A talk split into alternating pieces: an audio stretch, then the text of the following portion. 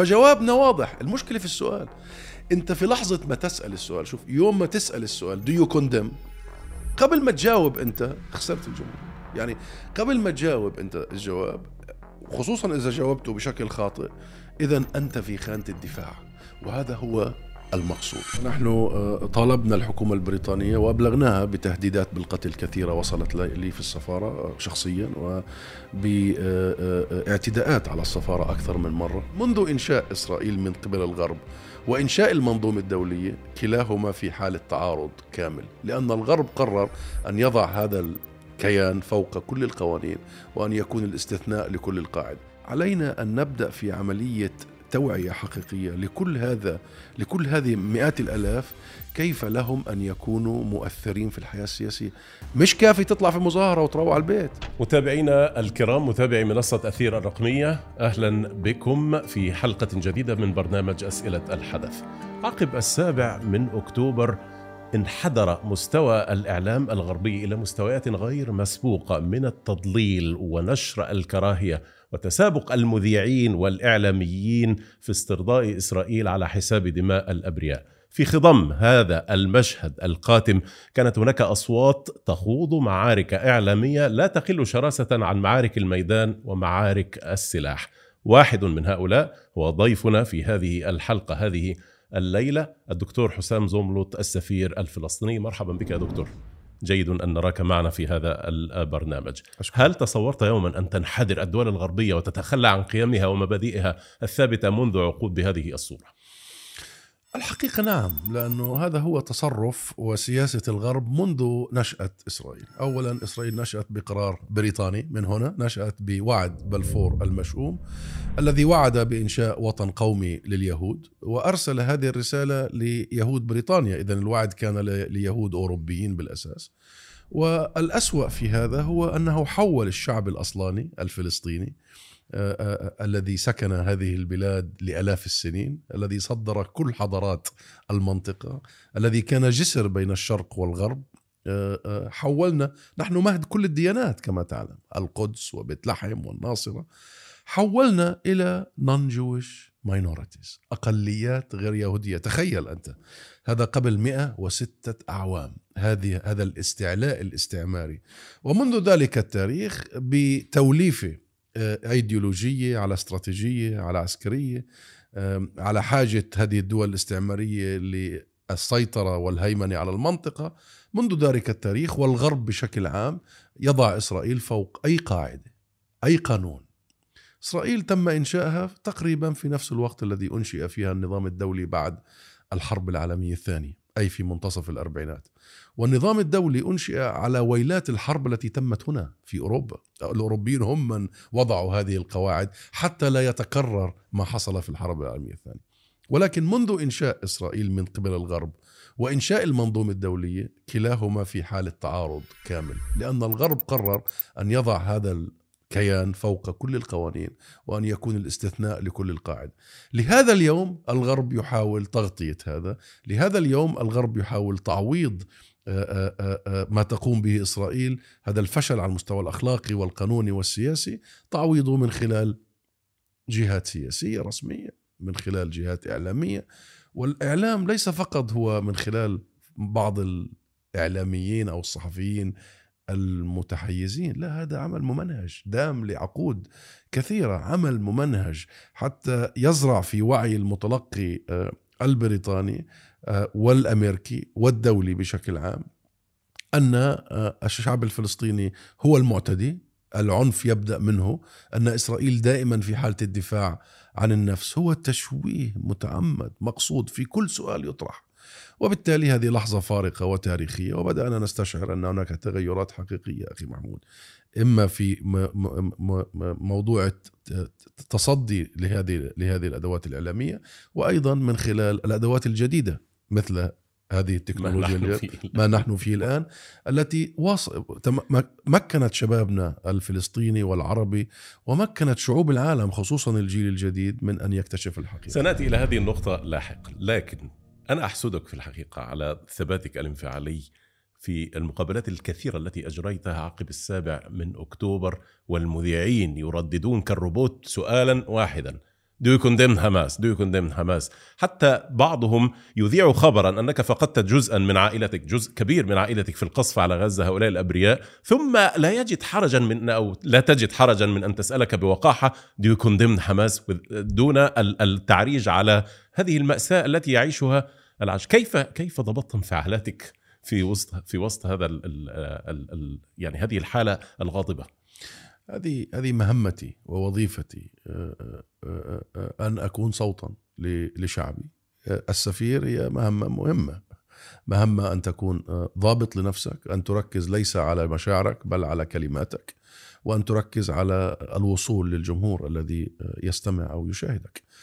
وبالتالي نعم كان الجرح غائر وعميق وفعلا في نفس اللحظة والوقت الذي أتلقى فيه أخبار عن استشهاد عدد من أفراد عائلتي أطفال ونساء ومدنيين في نفس اللحظة أسأل هذا السؤال. بس هذا هذا يؤشر لك عن الجوقة هي جوقة. آه، ويبدأ إنه بتقديم آه، آه، العزاء ومواساة لك ولكن ينتقل فورا بعد لحظات ثواني إلى سؤال هل تندد؟ هل تندد؟ ليش؟ لأنه هو على مدار عقود زرع في في عقله وزرع في عقل المتلقي الغربي أن المشكلة الحقيقية هي في عنف الفلسطيني انزرعت وأن إسرائيل هي في حالة الدفاع عن النفس. أحيانا بعض الإعلاميين الغربيين بيقولوا إنه إسرائيل تغالي في الدفاع عن النفس بس هي في حالة دفاع عن النفس. هذيك وبالتالي أنت جالس هناك أنت جالس موضوع في صندوق في إطار أنت خسران قبل أن تبدأ. قبل أن تبدأ. المشكلة مش في الإجابة. دعني أوضح إحنا إجابتنا كشعب فلسطيني نحن كعرب فلسطينيين عرب مسلمين ومسيحيين جوابنا واضح. نحن ديننا وعاداتنا وتقاليدنا ونشأتنا الوطنية وهويتنا واضحة. عمره ما كان المشكلة في الجواب. وإحنا منذ 30 عام كمنظمة تحرير ممثل الشعب الفلسطيني الشرعي والوحيد أيضا خطابنا السياسي وبرنامجنا السياسي واضح. فجوابنا واضح. المشكلة في السؤال. أنت في لحظة ما تسأل السؤال شوف يوم ما تسأل السؤال do you condemn قبل ما تجاوب أنت خسرت الجمهور. يعني قبل ما تجاوب انت الجواب خصوصا إذا جاوبته بشكل خاطئ اذا أنت في خانة الدفاع وهذا هو المقصود. المقصود أن يضعك دائما في خانة الدفاع ويضع نفسه في خانة الهجوم ويضع الإسرائيلي في خانة الهجوم. لاحظ لا يسأل هذا السؤال لأي ممثل رسمي إسرائيلي على الإطلاق. مستحيل. في حين إسرائيل قامت على أساس تطهير عرقي من الثمانية وأربعين واحتلالها وطريقة نشأتها كان في خرق فاضح لكل قواعد القواعد الدولية. إلى يومنا هذا ومن 75 عام لليوم وهي تمارس البشائع والفظائع ضد أبسط القواعد البشرية قبل القانونية ومع ذلك لا يسأل. أنت تتحدث عن حرب إبادة بكل معنى الكلمة؟ يتقصد الأطفال والنساء. 70% 70% ممن قتلت آلة الحرب الإسرائيلية خلال الأسابيع السابقة في غزة أطفال ونساء, ونساء. تقصد للمستشفيات والمدارس والمساجد والكنائس. تعرف في يوم واحد ضربوا كنيس فلسطيني في غزة استشهد 21 مواطن ثالث فلسطيني. ثالث أقدم كنيسة في ثالث أقدم كنيسة في العالم. أنت عارف مؤخرا شو عم بيستقصدوا إسرائيل في هجماتهم الصاروخية؟ المخابز. هذا واضح واضح. شو هي جريمة الإبادة الجماعية؟ شو تعريفها بالقانون الدولي؟ أولا الفعل يعني الفعل هو لقتل أكبر عدد ممكن من مجموعة عرقية ما. إما الكل أو جزء. هذا أولا. ثانيا the intent النية. النية في تنفيذ حرب إبادة. لما بيطلع رئيس وزراء إسرائيل في أول المعركة يقتبس الأمالك العمالقة. من التوراة. وأنت تعرف ما هذه القصة. قصة واضحة في التوراة التي تقول اقتلوا رجالهم ونسائهم وأطفالهم وحيواناتهم وإبلهم وخيولهم وحميرهم بالحرف بالمناسبة. لا تبقوا على شيء. لما وزير الدفاع بيقول نحن لا نقاتل بشرا نقاتل حيوانات بشرية. لما أحد وزرائهم يطلب باستخدام السلاح النووي في غزة.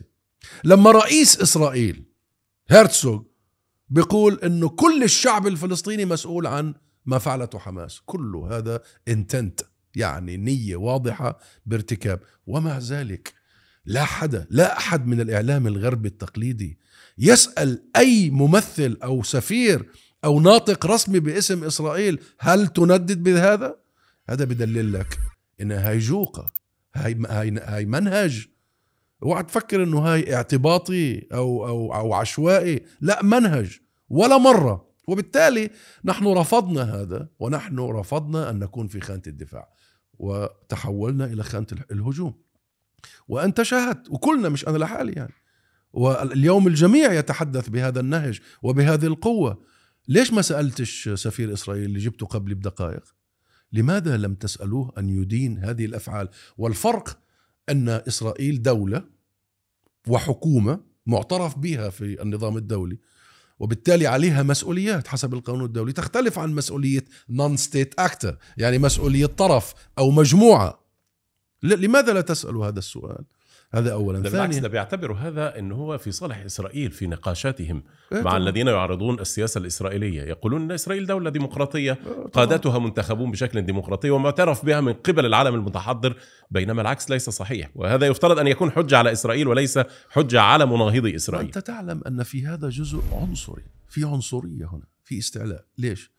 لأنه في اللحظة اللي لا يسأل الممثل الإسرائيلي هذا السؤال بالتنديد وتنديد إسرائيل يجب أن يكون الأول لأنه إسرائيل هي اللي قامت بحالة الاحتلال والاستعمار والحصار والتطهير العرقي. مفهوم يعني يعني ما بدوش بصراحة شطارة لكي تفهم كإعلامي إنه بتسأل من يبدأ أساس العنف هو الاحتلال. يعني احتلال يمنع عنك إنسانيتك وحقوقك وهويتك وحركتك يمنع عنك الهواء والماء. إسرائيل لما هي بتفتح المي على غزة وبتسكر المي على غزة هذا مش قمة العنف في الدنيا قمة الإرهاب عندما يعطوا مستوطنينهم في الضفة كل هذه الرشاشات من أجل القتل هذا مش إرهاب. ولكن في اللحظة الذي لا يسأل الممثل الإسرائيلي ويسألك شو معناها؟ معناها أنك أنت تقر إذا جاوبت تقر أنه دمك أقل أهمية من دم الإسرائيلي بتقر أنت. وبتقر إنك أنت كشعب يعني you are ليس worthy ها بمعنى أنك أنت يعني حياتك ليس لها نفس القيمة وأطفالك ليسوا بنفس القيمة وأهلك ليسوا بنفس القيمة. وإلا كان يجب أن يسأل السؤال للإسرائيلي. أيضا تقر في هذيك اللحظة أن القصة كلها هي حول ردة الفعل الفلسطيني وليست الفعل الإسرائيلي بالاحتلال. إذا يراد لنا وطبعا أنا ممكن أكمل لك كثير مصطلحات عديدة. يمكن شاهدت أشهر الإعلاميين هنا زي بيرس مورغان. آه، آه، إرهاب. بده يستخدم مصطلح الإرهاب فيك. طب ماشي بنقول له ما هو تعريف الإرهاب؟ هنا يصمت. إيه؟ هنا يصمت. لا لا يصمت لا لا يصمت. شو تعريف الإرهاب يا بيرس وغير بيرس؟ أنا بدي أقول لك إذا أنت مش حافظه. تعريف الإرهاب حسب القانون الدولي للامم المتحدة هو استخدام العنف ضد المدنيين من أجل ترهيبهم لأسباب وأجندات سياسية. هذا هو التعريف. The unlawful use of violence against civilians to terrorize them for political agendas. حين هل... ننزله على أرض الواقع آه نجده آه ينطبق حرفيا بالضبط. على إسرائيل. طيب يا بيرس إسرائيل من يوم ما قامت شردت ثلثين الشعب الفلسطيني في 48 واحتلت ما تبقى من أرض فلسطين في ال 67 وحاصرت 2.3 مليون فلسطيني أخذتهم رهائن لمدة 16 سنة. وكل هذا ومستوطنينها الان يعيثوا فسادا يقتلوا مدنيين فلسطينيين بدون حساب وعقاب. هل تعتبر هذا إرهاب؟ هل إسرائيل دولة إرهاب؟ عندما يفشل في إجابتك اذا لا يوجد معيار دولي هنا. اذا هو فقط يريد أن يوظف معاييره ضد الشعب الفلسطيني فقط. إذا هو ينفذ القانون الدولي عندما يكون الموضوع له علاقة بأعدائه. أما بالنسبة لأصدقائه وحلفائه مثل إسرائيل يتبخر القانون تتبخر القواعد يتبخر يتبخر تتبخر المعايير كلها. وهنا تكمن ما نسميه منذ فترة طويلة وهذا بدأ منذ سنوات في خطابنا كيل بمكيل ازدواجية المعايير. نفاق. ما هذا النفاق؟ يعني أوكرانيا بصراحة كشفت كل المسطور أكثر من, أي م... أنت أوكي تعتبر أن دخول روسيا هو احتلال اجتياح. وبالتالي ذهبت فورا على كل المحاكم الدولية على المحكمة الجنائية الدولية وديت الروس وساندت آه، آه، آه، الأوكرانيين في مقاومتهم بالسلاح وأرسلت أساطيلك هناك لتساعد الأوكرانيين وتسمي الأوكرانيين مقاومة وتسمي الروس آه، آه، محتلين وكل الكلام ومجتاحين. فعلوا كل هذا ولكن في الصورة مقلوبة. يخرب بيتك. يخرب بيتك. يعني طب على, على الأقل اقف على الحياد. على الأقل اقف على الحياد. بس أنت تعطي كل رصاصة وكل للمحتل يعني لا إسرائيل لا المستعمر لا المجتاح. وانت بتبدأ بتبعت أساطيلك حتى تحمي المحتل اذا هذه الازدواجية هذه الانتقائية عند الغرب تحديدا وتحديدا الولايات المتحدة واوروبا انكشفت. وهذا تسبب بهذا الفيض الذي تشاهدونه الآن من شعوب هذه الدول الذين تكشفت لهم كل هذا. ما هذا؟ ما هذا؟ كيف تفسر هذا؟ وهذه النقطة المهمة. متى بدأ المنحنى في التغير؟ هناك نقطة معينة بدأت عندها الرواية الإسرائيلية تتوارى والحقيقة تظهر بشكل ما في آه، ثم ثم صار هناك طوفان من السوشيال ميديا من وسائل التواصل الاجتماعي تبين كثيرا مما خفي على الغربيين العاديين الذين لا يعرفون سوى آه، الرواية التقليدية التي يبثها ليل نهار ما يسمى على رأي أندرو تيت ال legacy media اللي هي وسائل الإعلام التقليدية البي بي سي وسي إن إن وغيرها. متى بدأ التغير؟ عندما بدأت تتراجع إمكانية آه، إسرائيل على التحكم بال mainstream media. وعندما بدأ يكون هناك أولا منابر أخرى ألا وهي وسائل التواصل الاجتماعي وقبل وسائل التواصل الاجتماعي الإنترنت. إحنا قبل الإنترنت كان في أكم من محطة وأكم من صحيفة مطبوعة هي اللي بتحدد للشعب الغربي للشعوب الغربية ماذا تعرف وكيف تعرفه ومتى تعرفه يعني نيويورك تايمز بتحدد وصحيفه واشنطن كلهم كله هون التايمز وتليجراف واللي بدك إياه والبي بي سي والسي ان ان ولكن منذ أن حصلت هذه الثورة في المعلومات بشكل عام the information technology يعني revolution ثم آه، آه، وسائل التواصل الاجتماعي ثم تواكب هذا مع شباب فلسطيني يعني متمكن وشباب عربي متمكن. يعني حقيقة قدر أن يخوض المعركة ويبني محتوى مختلف يخاطب فيه إحنا كنا في الأربعينات عندما انتكبنا وفي الستينات عندما انتكسنا كلنا عربيا ما كناش قادرين بالصحيح لأنه هم أجوا مدربين مجهزين على آلة الإعلام ومجهزين على آلة الحرب إحنا يعني شعب فلاح في الآخر يعني. ولكن شبابنا تعلم وخرج ومن تجربة آه، الشتات والمنافي خرج هذا العلم وهذا الإمكانية.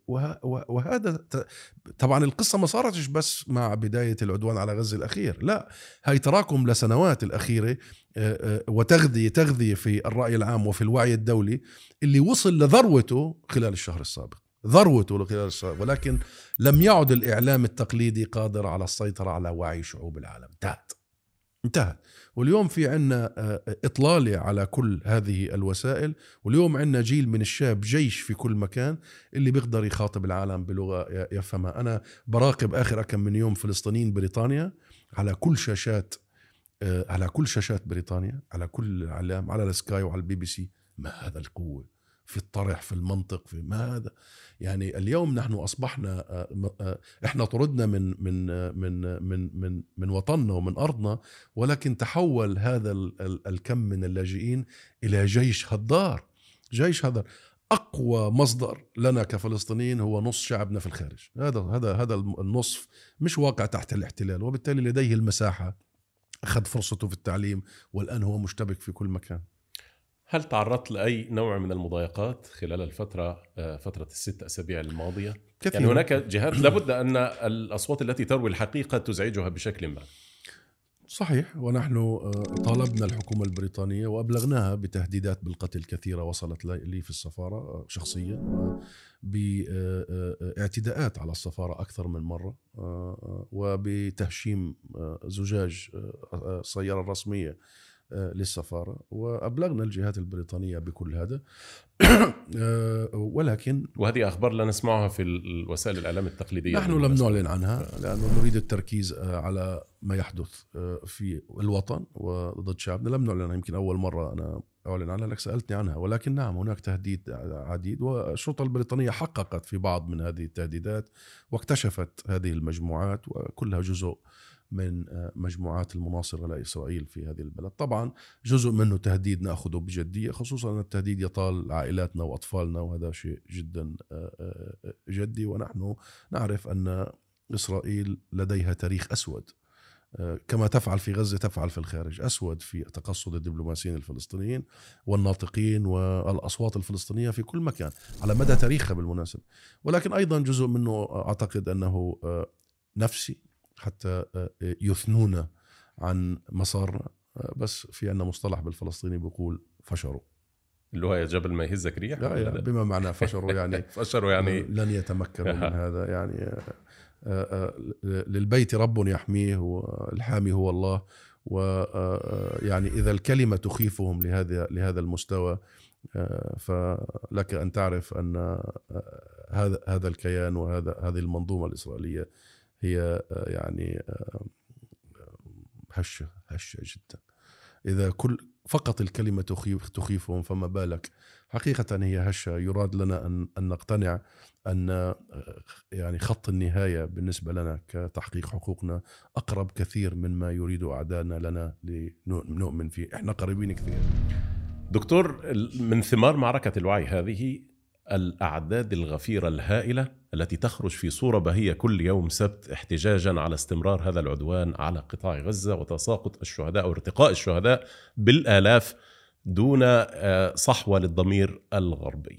هذه الصورة مصداقا لكلامك البعض قلل من قيمتها لكن لو كانت بهذه البساطة الأمور لما وجدت أرفع المسؤولين السياسيين في البلاد الغربية يحاولون شيطنة هذه المظاهرات رأينا وزيرة الداخلية السابقة التي أخيلت مؤخرا تصفها بأنها مسيرات كراهية ورأينا رئيس الحكومة نفسه يحاول بقدر المستطاع أن يحجم من هذه الأعداد في رؤيتك هل تعتقد أن هذا الأمر يؤثر في الساسة الغربيين أم أن هذه ضمائر ماتت وكفنت ودفنت؟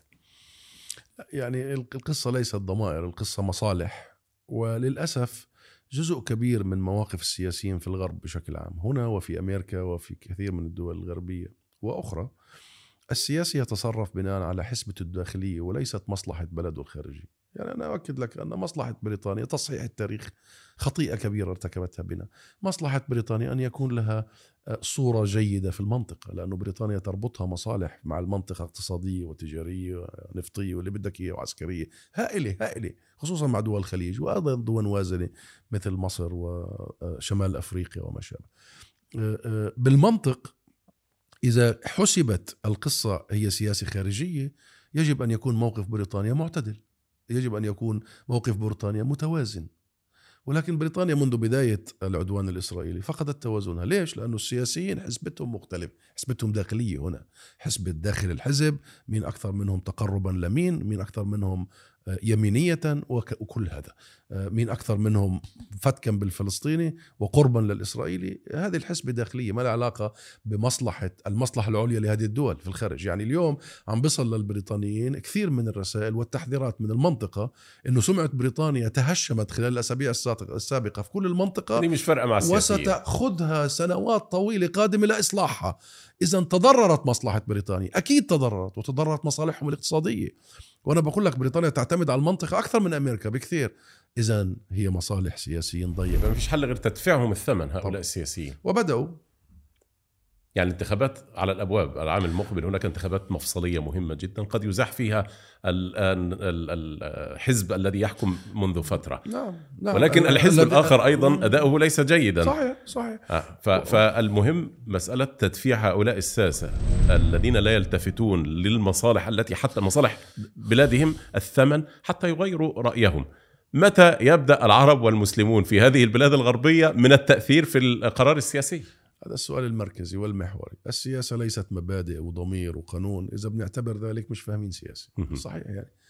السياسة هي جملة من المصالح والأجندات خصوصا للسياسيين. وإسرائيل وأصدقائها نجحت على مدار عقود منذ نشأتها إلى اليوم إلى أن تصنع من دعم إسرائيل مكافأة كبيرة لأي سياسي في الولايات المتحدة. وأنا خدمت سفيرا في واشنطن وأعلم حجم المكافأة الذي يحصل عليها أي سياسي إذا دعم إسرائيل بالباطل.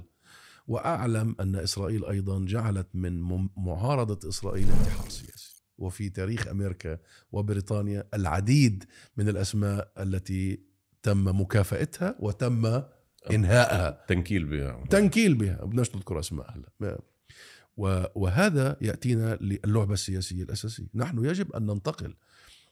يجب أن لا نأخذ إسرائيل وأصدقائها على أنهم مثال يحتذى فيه، لأنه هذه طريقة صحيح ليست طريقة صائبه.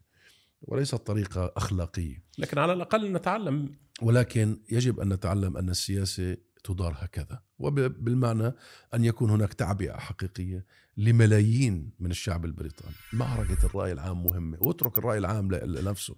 هم حاصرونا من كل الزوايا. هم حصرونا على المستوى الرسمي بمعنى حكومات حصرونا على المستوى السياسي بمعنى برلمانات وأحزاب حصرونا على المستوى الشعبي من خلال ال من خلال الإعلام. بس أيضا استخدموا قوة القانون يعني تشريعات.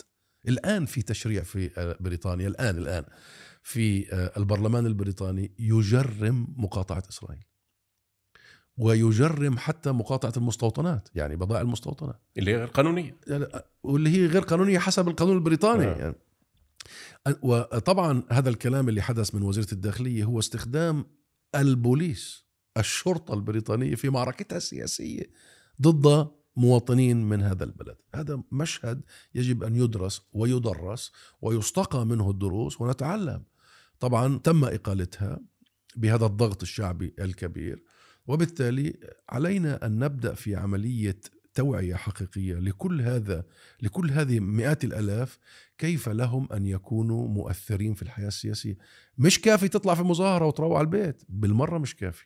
إذا تريد أن تؤثر في الحياة السياسية بدك تحاسب عضو البرلمان اللي بيمثلك بدك تبعث له رسائل بدك تروح تجلس معه وتقول له ماذا فعلت. بدك تتأكد قبل ما تعطي له صوتك ماذا فعل القضايا اللي بتهمك. بدك تعمل زي ما بيعملوا المؤسسات والمنظمات اللي موجودة هنا بيبعثوا لهم مانيفستو يعني برنامج انتخابي. انت بدك تدعم فلسطين؟ بدك توافق على انهاء الاحتلال بدك توافق على مقاطعة كل البضائع غير القانونية اللي بتيجي من إسرائيل بدك توافق على منع تصدير السلاح لإسرائيل التي تستخدمه آه، في آه، آه، جرائم حرب بدك بدك إذا قال آه بنتخبه. وهذا شرعي. وإذا قال لا بتقول له السلام عليكم. نحن لا نفعل ذلك. نحن حقيقة. هذه فعلها صديقنا محمد أمين قبل فترة وقال أخبرنا بها. بيقول أنا راسلت العضو البرلمان في الدائره عندي. وفي الأول رد عليه بصورة فيها شيء من الوقاحة. نعم طبعا. فبعث برسالة أخرى وهدده بأنه لن يعطيه صوته وكل المحيطين الذين يستطيع التأثير فيهم لن يعطوه صوته فبادر بالاتصال به فورا وطلب الاجتماع معه. أنت بتعرف متى أعرف إذا لحق يعني تلقائيا أعرف أنه عضو البرلمان أجاله ألاف الرسائل لما بتصل معي.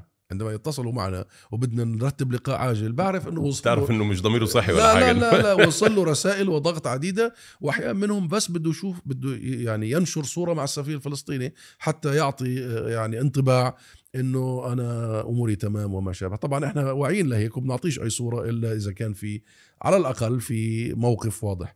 ولكن شخص مش كافي و100 شخص مش كافي و1000 مش كافي. وكمان أشخاص حتى لو مليون مش كافيين. نحن بحاجة إلى مؤسسات. منظمات. نحن بحاجة إلى تنظيم ملايين هؤلاء البشر بشكل يسمح لنا أن نغير صناعة القرار في كل هذه البلاد. لمحة فقط. باتجاه فلسطين. أن مؤسسة جيوش كرونيكل المعنية بالتحشيد لوجهة النظر الإسرائيلية ومراقبة المحتوى الإعلامي المعادي للسامية تفتش في اللايكات علامات الإعجاب التي يضعها الصحفي في وسائل التواصل الاجتماعي. والبي بي سي بالفعل تحقق مع بعض هؤلاء الذين وضعوا مجرد علامة الإعجاب وبعضهم في سبيله إلى الرحيل عن البي بي سي بسبب هذا. أنت لا تتخيل حجم الملاحقة والتجريم والتخويف والابتزاز الذي يمارسه أصدقاء إسرائيل في كل مكان في العالم. وبالمناسبة ليس فقط في بريطانيا ولا بس في أمريكا كمان. ألمانيا فرنسا في كل مكان. أنت لا تتخيل العمل الممنهج لإضعاف أي إطار يدعم الحق الفلسطيني.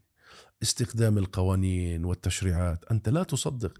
في الولايات المتحدة عندما كنت سفيرا بدأوا بتشريع في الولايات المختلفة إنه أي هيئة أي هيئة عامة أمريكية يعني مؤسسة تابعة للحكومة يجب أن توقع على تعهد لمشروع له علاقه بأمريكا يعني ملوش دعوة بلا بالمنطقة في أمريكا لازم يكون في تعهد إنه هذه الهيئة عمرها ما قاطعت إسرائيل ولن تقاطع إسرائيل. أنت تتخيل الجنون تتخيل شو الكلمة؟ مصلحة محلية صرفة لا علاقة لها بالعلاقات الدولية ولا السياسة الخارجية ومع ذلك يهتمون بهذا الأمر معقول؟ وبالتالي هذه الدول التي تسمي نفسها ديمقراطية تستخدم قوة القانون والبرلمانات والبوليس من أجل منع احتجاج شعوبهم على ممارسات إسرائيل.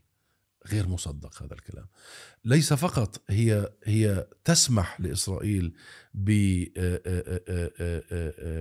خرق فاضح لكل القواعد والقوانين الدولية بل هي تسمح لنفسها بخرق فاضح للقواعد الديمقراطية. أنت بتعرف إنه في بريطانيا سبعة 76% من الشعب البريطاني مع وقف إطلاق نار فوري. مزبوط في غزة؟ صحيح. استطلاعات الرأي تشير إلى نسبة كهذه. طب يا حكومات يا غربية تتغنى بالديمقراطية بتشوفوا واحدة من أكبر تظاهرات في تاريخ بريطانيا وال وال والاستطلاعات واضحة. إذا أنت أنت لا تحترم القواعد الديمقراطية والسماع لشعبك ولن تحترم ولن تحترم القواعد الدولية. هناك مشكلة حقيقية يجب تغييرها. يعني حتى لو صار عندنا مية في المية من الشعب البريطاني بدون أن نحول هذا إلى عمل سياسي. حكيناه قبل شوي لن نغير. هذا يدق يدق ناقوس الخطر في هذه البلاد نفسها في الداخل. هل تعتقد أنهم سيستمرون طويلا على حرية الرأي التي يسمحون فيها بأصوات مثلك ومثلي أن تتحدث؟ أعتقد ذلك أعتقد ذلك وأعتقد إنه هذه البلاد مرت بحقب صعبة وبتاريخ أسود إلى أن وصلت. يعني يوم السبت 11 11 كان أين؟ يوم ذكرى. ال Armistice Day ال Armistice Day يوم الهدنة العالمي وقف إطلاق النار ونحن ذكرنا هذا في خطابنا. أمام هذه الأجيال نسيت يا دكتور. لا لا لا. ولكن الدول لا تنسى والشعوب لا تنسى ومؤسساتها لا تنسى. آه، آه، الذي كل من من كل من ذهب وأعطى حياته من أجل تلك اللحظة التي يحتفل بها الشعب البريطاني وشعوب الأوروبا والأمريكان أعطاهم من أجل أن يفسح لهم مجال للتعبير عن الرأي ويعطي لهم هذه الديمقراطية وبالتالي الموضوع كبير وهائل. وهذه إسرائيل باتت عامل مفسد لكل هذه الإنجازات البشرية هي تفسد لندن وباريس وبرلين وتفسد. وحقيقة تفسد إنجازات البشر. تفسد إنجاز هام وهو بريطانيا. ودعني أقول لك وأنا بالفم المليان أنا فخور بالإنجاز البريطاني المختلف عن دول أخرى. هنا ويجب أن تقر هذا معي هنا جميع المجتمعات يتعايشوا بطريقة مثالية. هناك احترام مشترك وليس فقط أنت تقبل في بريطانيا على اختلافك لا أنت يتم الاحتفال باختلافك. يعني في شارع للعرب بدك تروح تأرجل في شارع للطليان في شارع للصينيين عن جد يحتفل تشاينا تاون يحتفلوا بالاختلاف. وبريطانيا نجحت أن لا يكون هناك مثل باريس أو فرنسا أماكن منعزلة للأقليات. لا الأقلية فيش أقلية كله عايش أنت تعلم ذلك.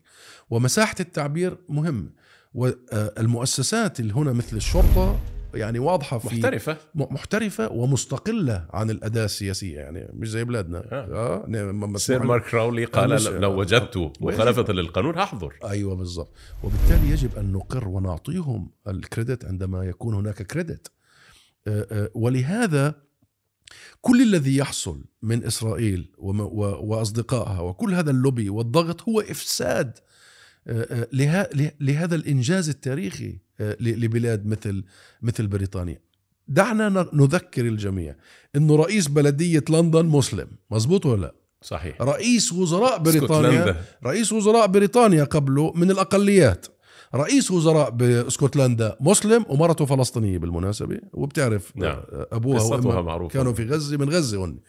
ورئيس أهلها محصورون هنا يا طبعا. خرجوا خرجوا وعادوا إلى اسكتلندا نعم. ورئيس المعارضة حزب العمال في اسكتلندا أنس صرور مسلم. وبالتالي الجالية أو مسلمي بريطانيا نجحوا نجاح باهر في الاندماج وفي المشاركة والمساهمة في المجتمع البريطاني وإنجاح المجتمع البريطاني وهذا يسجل لبريطانيا. يسجل لبريطانيا أنها من الدول القليلة اللي اللي لا تحتكم لا للون ولا لعرق. وبالتالي يجب أن نتحدث مع الشعب البريطاني ومع ممثلينه إنه إسرائيل تفسد كل هذا ويجب أن لا تفسد كل هذا. يعني إحنا معركتنا مش مع إنجاز الشعوب معركتنا مع الدول التي تريد آه، آه، آه، اقتصار أو أو أو أو التخريب على كل هذه الإنجازات من المجتمعات المختلفة. وآخر جملة أيضا تصوير هذا وتهويل هذا على أنه صراع ديني. لا يوجد صراع ديني. وتصدير هذا إلى شوارع بريطانيا أن الموضوع موضوع ديني آه، مسلمين مئات اليهود يتصدرون المسيرات كل أسبوع ألاف ألاف ألاف اليهود. طبعا وبالتالي مهم في هذه اللحظة آه، آه، أن نتحدث بهذه العقلية أن لا المشكلة ليست مع النموذج والمثال البريطاني مثال يحتذى به. المشكلة هي مع تأثير إسرائيل على هذا النموذج من خلال كل هذا الضغط. طيب إذا عدنا إلى غزة والمآسي التي نراها كل يوم هل تعتقد أن المزاعم التي ترددت على مدى العقود الماضية وتتهم الفلسطيني بأنه باع أرضه ما زالت تستطيع الوقوف على ساقين بعد أن شاهد الجميع نكبة جديدة بالصوت والصورة 24 ساعة كل يوم تحدث أمامهم وسط عجز عربي آه، يعني العرب ليسوا ليسوا قوة يستهان بها، عجز عربي عن فتح معبر واحد لإدخال المساعدات الإنسانية والدواء. من بدأ هذه آه، الأكذوبة. الأكذوبة هي الصهاينة. بدأوها منذ ال 48 وقبل ال 48 وصدروها لبعض الأبواق في العالم العربي وهذه الأبواق استسهلت استخدام هذه الأكذوبة آه، من أجل تبرير عجزهم آه، وفشلهم على مدار التاريخ في ال 48 و 67 وما تلاها يعني. ولكن الحقيقة ما حصل ويحصل في غزة الآن هو ما حصل في ال 48 مع فارق. إنه الشعب الفلسطيني في ال 48 بسبب البشاعات التي ارتكبتها إسرائيل بنفس الطريقة الآن. هي هي نفس البشاعات يدخلوا على القرى قرى في كل مكان يقتلوا. يعني ما هو مسجل أنا مش فاهم يعني طب يرجعوا لوثائق الأمم المتحدة يرجعوا للتوثيق اللي صار في كفر قاسم مذابح ومجازر في كل مكان. شعبنا آنذاك ظن بوجود سبع جيوش عربية في فلسطين ظن أن ممكن أن يحمي أطفاله ونساءه وعوائله لأيام قليلة يذهب إلى مكان ويرجع ثاني ويرجع ثاني بس هلا الشعب الفلسطيني يعرف أنه إذا إذا, إذا خرج الخيار فلن يعود. إذا الخيار بين الخروج والموت فليكن الموت. الشهادة. أكثر من هيك أكثر من هيك مثال على هذا الشعب. يا رجل أنت منذ أن احتلت إسرائيل بقية فلسطين التاريخية مئات الملايين من الدولارات تعرض على حانات ومحلات صغيرة في القدس والخليل. مئات الملايين من الدولارات. ولا زال شعبك ويأبى الناس. ولا زال شعبك الفلسطيني وشعبنا الفلسطيني هو الحارس على مقدسات ليست لها علاقة فقط بفلسطين. القدس ليست لنا فقط. نعم هي عاصمتنا وهي بوصلتنا ولكن هي ملك لكل عربي وكل مسلم. ونحن أوكي حصل هناك تسريبات قليلة جدا ولكن لا زال حراس القدس أسود القدس حاميين لا زال حراس الخليل يحموا المسجد الإبراهيمي وكل من حوله. لا زال حراسنا في كل مكان. فحقيقة هي جزء من الدعاية الصهيونية حتى تقلل من هذا من الدم العربي المشترك من الحضارة المشتركة من التاريخ المشترك ومن المستقبل المشترك حتى تقلل من مناصرة العرب. استخدمت هذا الشعب الفلسطيني آه، سلب أرضه وأنا جدي منهم ووالدي منهم. وأنا عندما كنت في السادسة من العمر أنا أنا ولدت في مخيم لاجئين في رفح. ويعني أقصى جنوب قطاع غزة. وبالمناسبة بما إني جنوبي ومن من من قلعة الجنوب من رفح دعني يعني أتوجه برسالة من قلبي إلى أهلي في الجنوب لأنه ما يحصل فيهم هو مضاعف. هو اولا هم يتعرضوا لنفس القصف والقتل الجماعي والإبادة الذي يتعرض له أهلنا في الشمال ولكن أضيف عليهم أن أن يفتحوا قلوبهم وبيوتهم ويشاركوا ما تبقى من خبزهم ومن مائهم مع مع أكثر من مليون ومئة ألف من أهلهم من الشمال. وأنت لا تتخيل هذه الأسطورة وهذه الملحمة. يعني البيت الذي يكفي لخمسة الآن يتسع ل 150 منهم أختي في الجنوب. بيتها كان لأولادها وزوجها الآن عندها 175 وأنا فخور بها وفخور بالجنوب. وهذه لحظة أقول لكل من يقول هذه هذه الاكاذيب فليتعلم من الجنوب وليتعلم من الشمال وليتعلم من, من غزة كلها. وليتعلم من فلسطين كلها. من كل فلسطين. وليتعلم ليس فقط من 7 أكتوبر يتعلم منذ بداية من 100 عام. هناك شعوب كثير كثيرة. وهذا مهم الحديث أخي محمود. شعوب كثيرة تعرضت لما تعرضنا له من مؤامرات وتقصد ونكبات واختفت. أنا سمعت كثير من السياسيين اقتبسوا أنه لو الشعب الفلاني تعرض اللي تعرضت لهم كان اختفى زمان نحن لم نختفي. إحنا باقون ومستمرون وننمو عددا وإمكانية ومقدرة. وانتزعنا من فك الغرب اللي زرع هذا الكيان عندنا اعتراف بنا وانتزعنا موقع في الأمم المتحدة. مسيرة التاريخ مش رايحة باتجاههم رايحة باتجاهنا. بس هذا ما أجى من بلاش. أجى من دم ومن ثورات ومن صمود ومن عنفوان.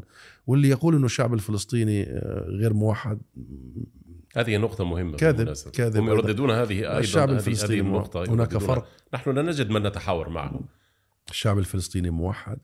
آه، آه، هناك فرق بين اختلافات سياسية بين فصائل ولكن الشعب الفلسطيني يوحد القتل الإسرائيلي الرصاص الإسرائيلي الصاروخ الإسرائيلي اللي لا يفرق بين هذا جسد طفل لعائلة من حماس ولا طفل لعائلة من من فتح ولا طفل لعائلة من جبل الشعبية يوحدنا الاضطهاد الذي تعرضنا له كشعب. نحن توحدنا ذاكرتنا الجمعية. الذي تشاهدهم اليوم في غزة النازحين من الشمال إلى الجنوب هم نفسهم لاجئين أنا منهم. يوحدنا هذه الذاكرة الجماعية واللاجئين مش بس بغزة اللاجئين في الضفة وفي لبنان وفي سوريا وفي كل مكان. نحن لدينا ذاكرة واحدة جماعية. إذا يوحدنا معاناتنا وذاكرتنا وأيضا يوحدنا هدفنا. لدينا هدف بإنهاء هذا الاضطهاد. لدينا هدف بتحرير أرضنا. وبالتالي الشعب الفلسطيني موحد وموحد على مدار تاريخه. منذ أن الثورة الأولى ومنذ الإضراب العظيم كل الشعب الفلسطيني ملتزم. والثورة ثورة ياسر عرفات كل الشعب الفلسطيني ملتزم. كل فلسطيني من أي تنظيم هو ابن ياسر عرفات. وبالتالي نحن طبعا ابن ياسر عرفات. وبالتالي وياسر عرفات ترك لنا تمثيل موحد لنا عنوان واحد. عنوان سياسي ووطني ودولي ومعنوي ألا وهو منظمه التحرير. هذه مظلة. هي مش حزب هي مش فصيل هذه تشمل كل الفصائل الفلسطينية وناقص حماس. وبالتالي في يوم من الأيام يجب أن نتناقش فيما بيننا. ولكن الشعب الفلسطيني موحد ولديه نظام سياسي شرعي معترف فيه بكل العالم. جاء بعد نضال طويل إحنا من ال 48 لل 65 إلى أن أصبحنا لنا سقف وبيت وعلم وعنوان. ومن ال 65 إلى الثمانينات إلى أن بدأ العالم يقر بنا ويفتح لنا سفرات هذه مسيرة مهمة ويجب أن لا يبدأ التاريخ من نقطة واحدة. يجب أن نتذكر أن هذا نضال شعب على مدار مئة عام وحقيقة في كل مرحلة هذا الشعب قادر على أنه يستمر في مسيرته رغم رغم البطش. والجرح الجاي بالعكس هذا البطش يعني يعني من ثمار صمود الشعب الفلسطيني في غزة وفي الضفة مؤخرا هذه الكلمات التي تحدثت عنها من أن الجبهة موحدة وأن كل ما يدور من خلافاتها خلافات هامشية طبعا. ثانوية وإنما المتن هو الوحدة الفلسطينية أو الصوت الفلسطيني الواحد والذاكرة الشعبية والجمعية الموحدة كما ذكرت. من ثمار معركة الوعي أيضا ما سمعناه أو ما شاهدناه في بعض البقع العالم من آه، يعني مواقف مضيئة بلغت الغاية في الشهامة في الحقيقة من بعض الشعوب في أمريكا اللاتينية التي تطرد السفير الإسرائيلي وتقطع العلاقات رغم بعض المصالح. حتى هناك بعض الجهات آه، المجتمعات المجتمع المدني التي يتطوع فيها المحامون بالمئات لتقديم شكاوى آه، في شكاوى جرائم الحرب وجرائم ضد الإنسانية التي ترتكب يوميا من قبل حكومة الاحتلال. أي تعليق لك على هذا؟ مهم جدا ومهم أن لا يتكرر ما حصل في الماضي أن يكون هناك هبة من قبل شعوب العالم وهبة من قبل بعض حكومات العالم وهبة من قبل بعض المحامين و... ولكن بعد أن نصل إلى وقف لا إطلاق النار بعد أن تهدأ الأمور الجميع يذهب إلى بيته مهم جدا أن آه، نؤمن أن هذه نقطة تحول ونعمل ونسعى باتجاه أن يستمر وتستمر هذه الوتيرة ليس فقط من أجل وقف إطلاق نار. يجب أن لا نعود إلى الوضع الذي سبق 7 أكتوبر. وضع فيه إسرائيل تستشري في استعمارها في الضفة نهشت كل ما تبقى من أرض الضفة. يستشري فيه إرهاب المستوطنين في الضفة الغربية. تستشري فيه الابتزازات والاستفزازات في القدس الشريف بمقدساتنا الإسلامية والمسيحية. يستشري فيه حصار أهلنا في غزة على كل هذه السنوات. يجب أن لا نعود لهذا ويجب أن نستمر في مسيرتنا الداخلية والخارجية كما فعل الجنوب أفريقيين إلى أن نصل إلى خط النهاية يجب أن لا نتوقف وأنا أستشعر بكل صدق أن الوتيرة الحالية التي آه، تتشكل في العالم هي وتيرة قابلة وقادرة لأن تصل معنا لخط النهاية. أستشعر أن هناك فرق، مفرق هذا، مفرق حقيقي جديد. أستشعر بلحظة تاريخية، أنا كنت يعني آه، أزور الغرب ودرست هنا كطالب منذ 25 عام. وأتردد على بريطانيا وأتردد على على العالم العالم الغربي ودرست في جامعاتهم. أنا أقول لك ما شهدته خلال الأسابيع السابقة غير مسبوق.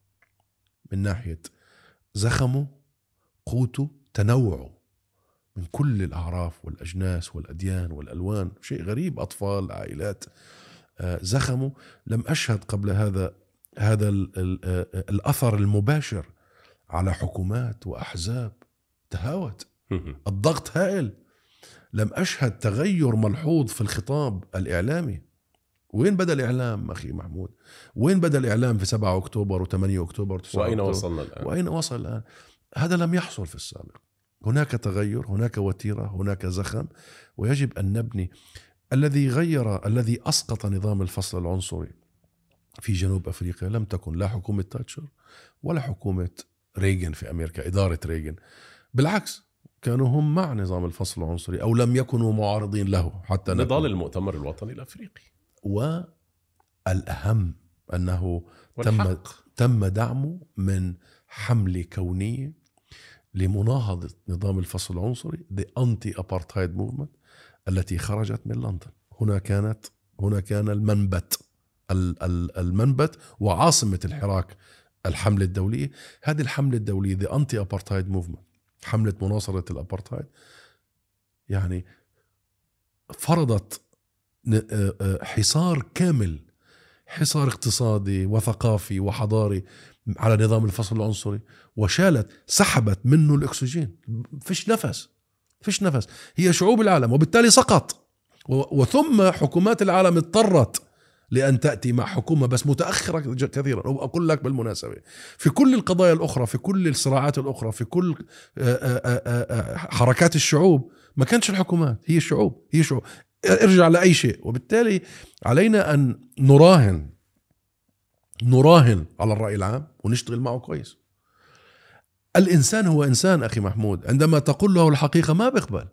بيقبلش طرد شعوب أخرى بيقبلش التقصد بقتل المدنيين بيقبلش حالة الاضطهاد والاستبداد. تنزع المؤثرات التي ولكن تشوش هذه المعرفة. ولكن هو تعرض لعملية تشويه نعم. وتشويش لفتره تشويش بالشاء. شا ولا شين؟ بالشين.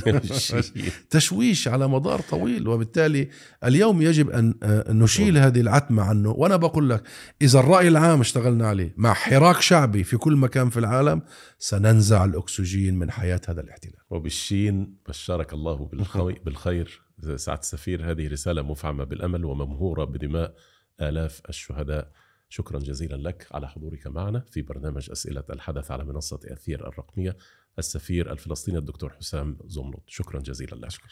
متابعينا الكرام انتظرونا في حلقة جديدة من أسئلة الحدث بإذن الله تعالى. في أمان الله.